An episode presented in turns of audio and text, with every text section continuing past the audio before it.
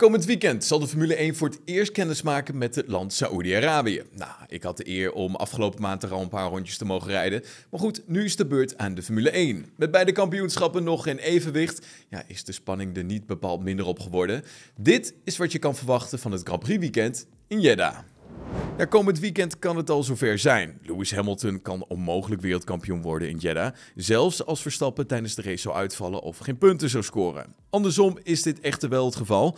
Als Hamilton uitvalt en Verstappen wint de race, dan is de Nederlander voor het eerst in zijn carrière wereldkampioen in de Formule 1. Ja, het gat is dan, met nog een race te gaan, meer dan 26 punten en dus onoverbrugbaar voor Hamilton. Als Verstappen de race wint, is een P6 of wel lager van Hamilton ook voldoende voor Verstappen om wereldkampioen te worden.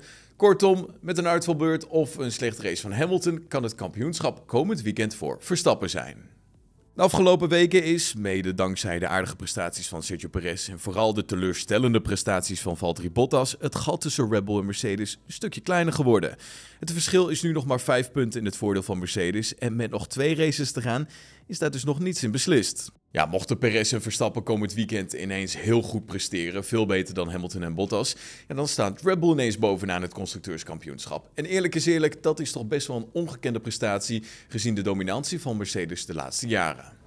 Net zoals in Qatar gaat de Formule 1 ook komend weekend in Jeddah kennis maken met een nieuw circuit. Twee verschillen ten opzichte van de race in Qatar. Eén, het circuit in Jeddah is compleet nieuw aangelegd.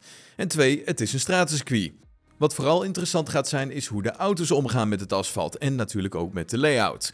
Over het circuit in Qatar waren de meeste coureurs wel erg te spreken. De vraag zal zijn of dit in Saoedi-Arabië ook het geval is. En tijdens het weekend in Qatar bleken de track limits voor de FIA nogal een uitdaging te zijn. Nou goed, ook voor hun was het natuurlijk de eerste keer dat het Formule 1 daar het circuit gebruikte. Maar in Saoedi-Arabië zal die niet anders zijn. Ja, track limits die kunnen hier eventueel ook voor problemen gaan zorgen, aangezien het een stratencircuit is. Voor de FIA en de coureurs is het te hopen dat het niet weer bij elke bocht een track limit aangegeven moet worden. Dat was hem dan, de special van deze week. Heb je genoten van deze aflevering? Laat je horen via onze Apple Podcast pagina of vergeet ons niet te volgen op Spotify. Zie ik je morgen weer. Tot dan. Hoi.